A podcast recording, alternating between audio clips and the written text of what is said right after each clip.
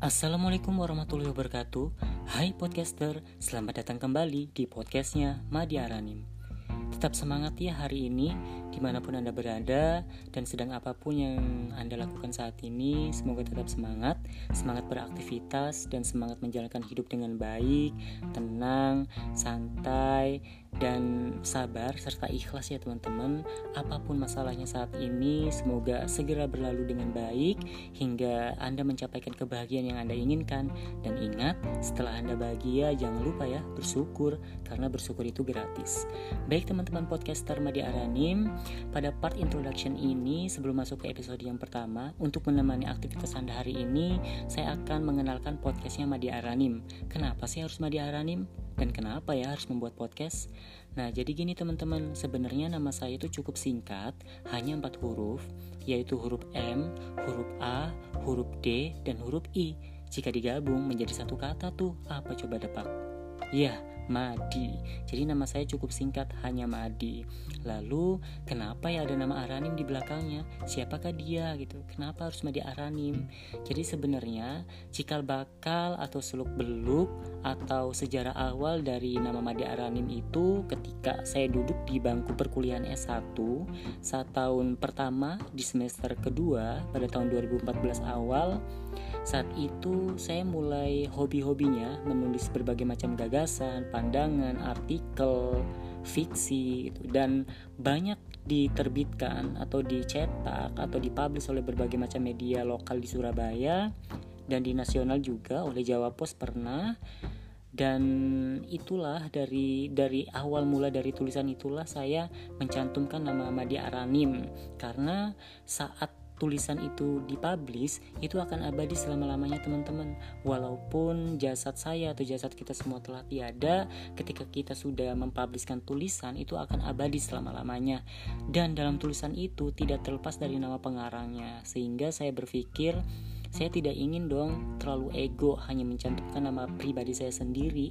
Padahal saya kan sebagai makhluk sosial gitu yang hidupnya bareng-bareng bersama-sama. Sehingga saya ingin mencantumkan salah satu tokoh yang berpengaruh besar dalam kehidupan saya. Beliau adalah sosok pria yang sangat luar biasa bagi kehidupan saya. Yang tegas, wibawa, yang cerdas juga, yang kerja kerasnya tinggi, dan beliau yang telah membesarkan saya hingga sampai detik ini, yang telah mendidik saya menjadi seorang pemuda, dan yang telah memberikan saya ilmu yang sangat bermanfaat untuk kehidupan saya. Coba tebak siapa beliau? Ya, tepat sekali. Siapa lagi kalau bukan bapak saya? Nah, bapak saya kebetulan namanya Ranim, singkat juga teman-teman. Lalu kenapa kok namanya Madi Aranim? Kenapa nggak Madi Ranim saja? Kan nama bapaknya cuma Ranim bukan Aranim. Nah jadi gini teman-teman, kebetulan sejak kecil, sejak duduk di bangku SD, saya selalu belajar bahasa Arab gitu ya. Tak terlepas dari pelajaran bahasa Arab bahkan eh, lanjut ke sekolah SMP saya di MTS belajar bahasa Arab juga. Di SMA nya saya melanjut di Madrasah Alia belajar bahasa Arab juga. Bahkan di dunia perkuliahan di S1 saya sempat tinggal di asrama beasiswa dari Dompet Duafa selama tiga tahun. Dan pada saat saya itu zaman saya pada saat zaman saya itu satu minggu belajar bahasa Arab. Jadi tak terlepas dari bahasa Arab, bahkan saat ini sehari-harinya ya saya juga tak tak pernah lepas dari bahasa Arab. Jelas dong karena setiap harinya saya sholat ya sebagai seorang muslim yang taat kepada Allah Subhanahu wa taala yang insya Allah semoga terjaga imannya, tetap sholat dan um, itu tidak terlepas dari bahasa Arab kemudian membaca Al-Quran tiap hari juga itu merupakan salah satu bahasa Arab juga teman-teman nah jadi memang saya tidak terlepas dari bahasa Arab itu sehingga saya mencantumkan uh, nama Aranim sebagai nama turunan dari bahasa Arab juga gitu ya teman-teman. Jadi singkatnya dalam bahasa Arab itu ada istilah alif lam samsiyah dan alif lam komariah alif lam samsiyah ini ketika alif lam bertemu dengan salah satu huruf hijaiyah itu harus digabung atau lamnya itu di, disamarkan. Contohnya alif lam samsiyah bertemu dengan huruf hijaiyah eh, apa ya ro misalnya. Bunyinya misalnya ar-rahman atau ar-rahim atau bertemu dengan huruf dot gitu ya. Ad-duha atau bertemu dengan huruf nun. An-nisa an-nida. Nah itu kan semuanya huruf lamnya itu disamarkan atau ditiadakan. Sama juga dengan ranim gitu kan. Ketika ditambahkan alif lam berarti huruf lamnya disamarkan menjadi ar-ronim. Kalau di Indonesia kan berarti aranim kalau alif lam komaria itu ketika bertemu dengan salah satu huruf hijaiyah huruf lamnya itu jelas atau tidak di tidak digabung gitu dengan huruf hijaiyah setelahnya. Contohnya bertemu dengan huruf ain al ilmu kan lamnya sangat jelas atau bertemu dengan huruf uh, alif al ard. Nah, itu kan lamnya sangat jelas. Nah, jadi itu teman-teman sehingga saya menamakan uh, madi aranim gitu ya.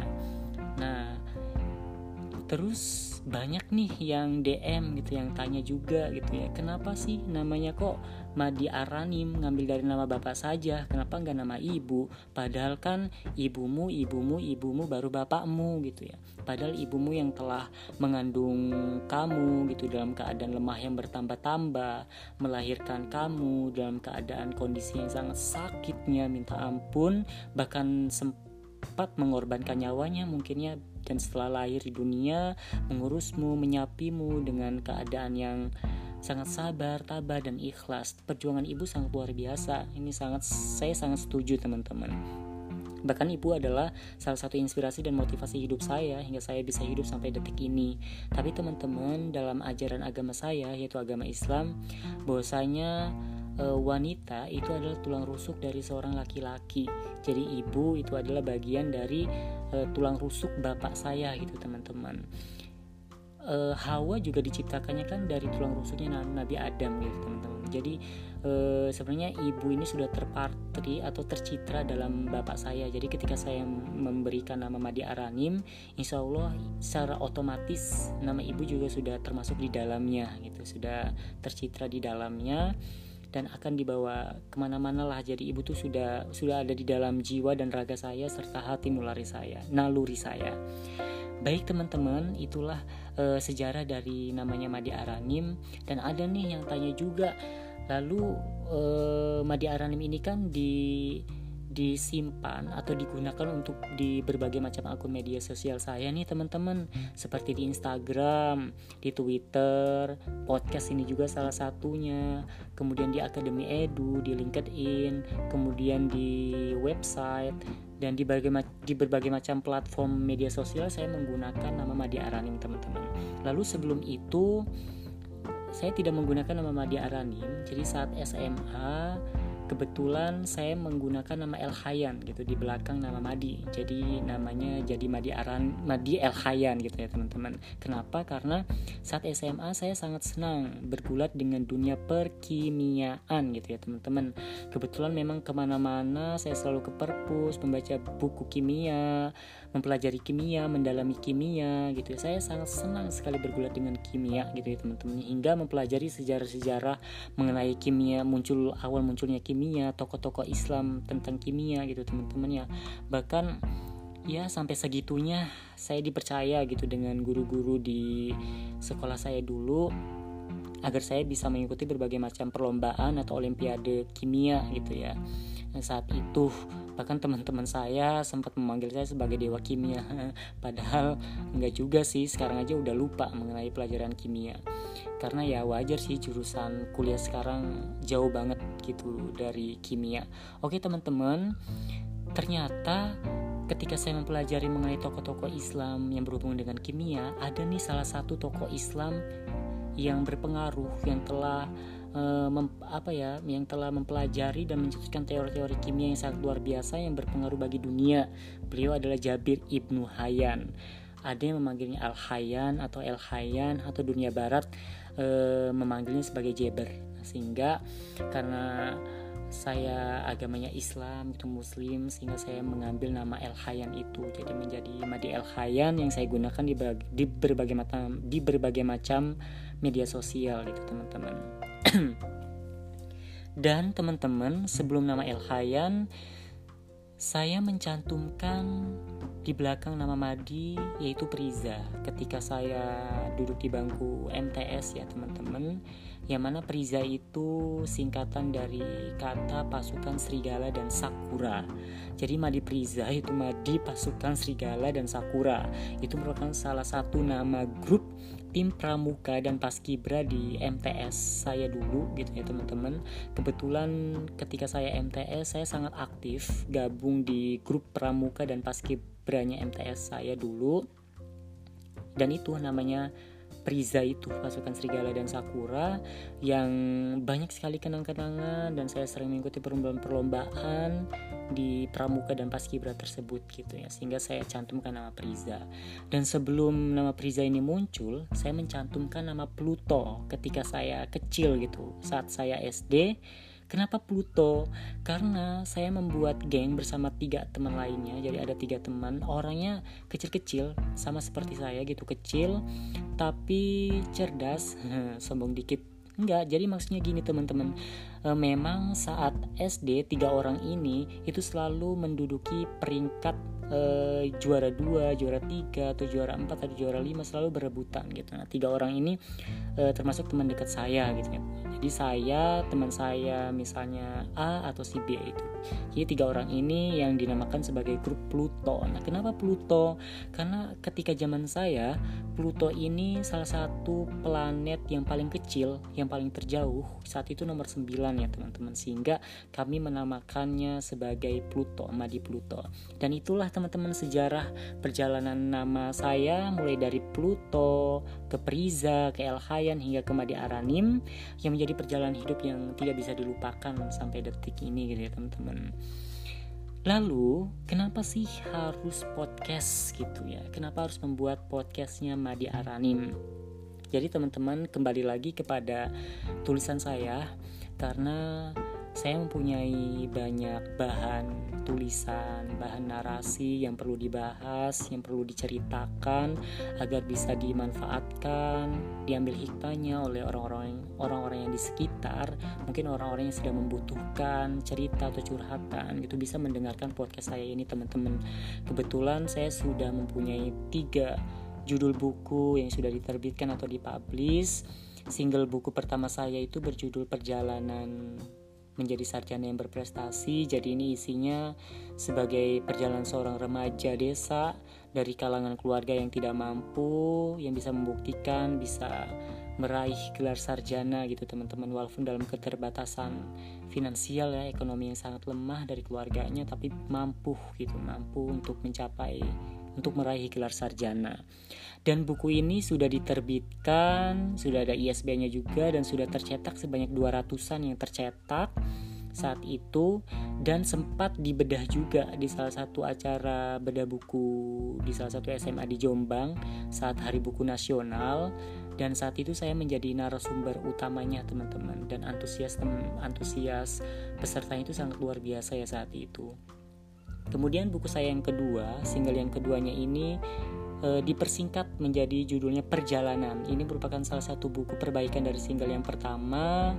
Um, diganti saja bahasanya diganti lebih puitis lebih dramatis dan dijadikan ada toko yang jelas penokoh yang jelas alur yang jelas dijadikan seperti novel seperti itu teman-teman dan rencananya uh, buku single yang kedua ini akan dijadikan sebagai trilogi perjalanan karena selain saya meraih sarjana nih di trilogi yang pertama buku perjalanan yang pertama perjalanan remaja desa sampai sarjana saya juga nanti di trilogi yang keduanya itu akan menceritakan perjalanan meraih gelar magister karena baru saja saya lulus magister ya teman-teman dan mungkin trilogi yang ketiganya jika saya mengambil doktor akan menceritakan perjalanan doktornya dan buku perjalanan ini sudah dipublish di uh, platformnya Wattpad uh, dan sudah ada sekitar 950 yang membaca, sekitar seribuan yang membaca karya novel perjalanan saya ini. Jadi jika teman-teman penasaran nih ingin membacanya silakan ya baca di Wattpad gratis.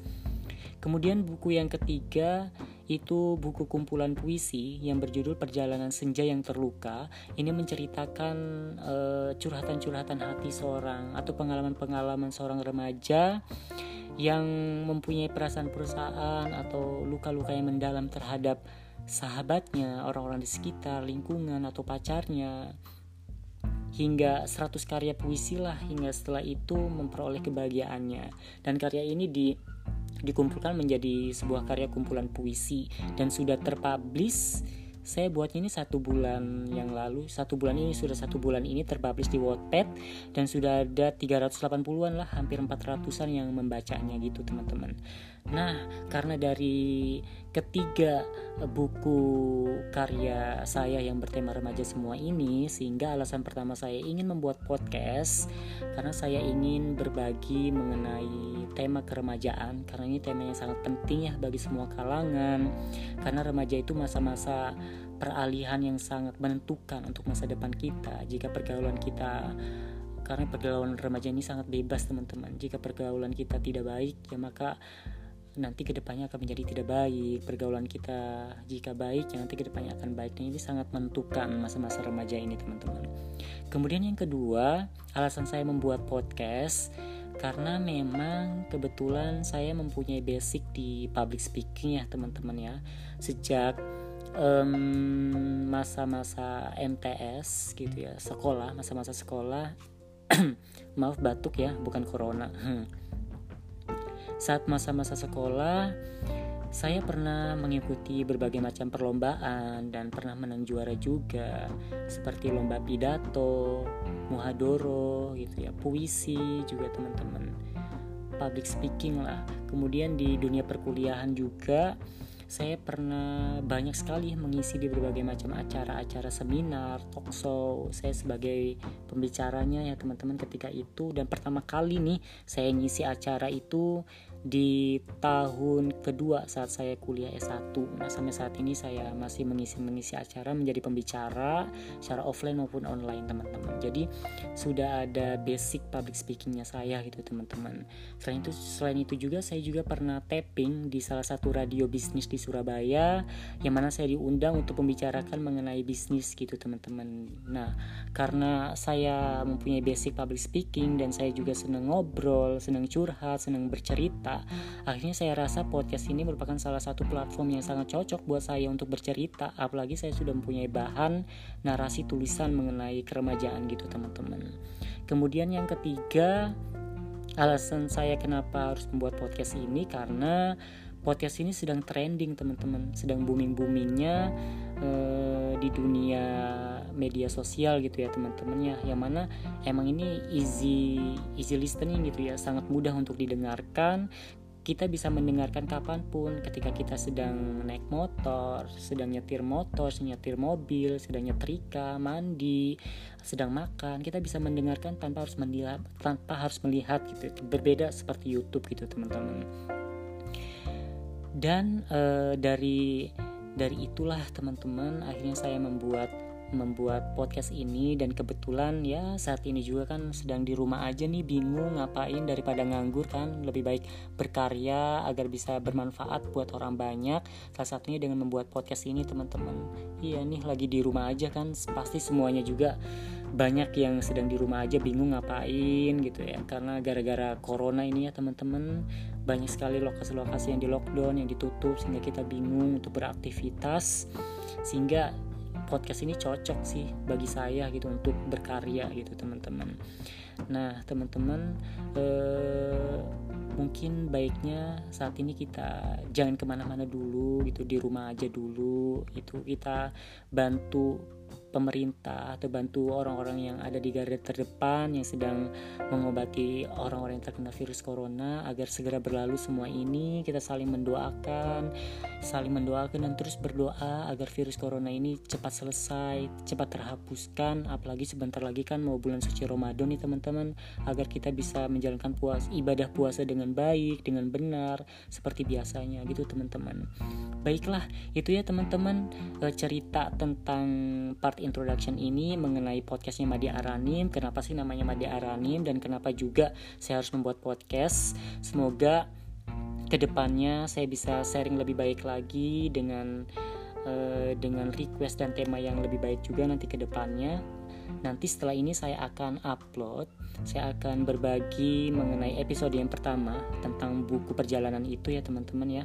Nanti jangan lupa ya setelah ini didengarkan dan mungkin segitu saja dari podcast hmm, di part introduction ini yang bisa saya sampaikan. Jangan lupa di share dan di follow juga ya akun podcast saya agar lebih bermanfaat ke depannya. Oke, terima kasih sahabat podcaster Madi Aranim. Salam hangat dan tetap semangat dan tetap semangat dalam menjalankan aktivitas ini. Wassalamualaikum warahmatullahi wabarakatuh.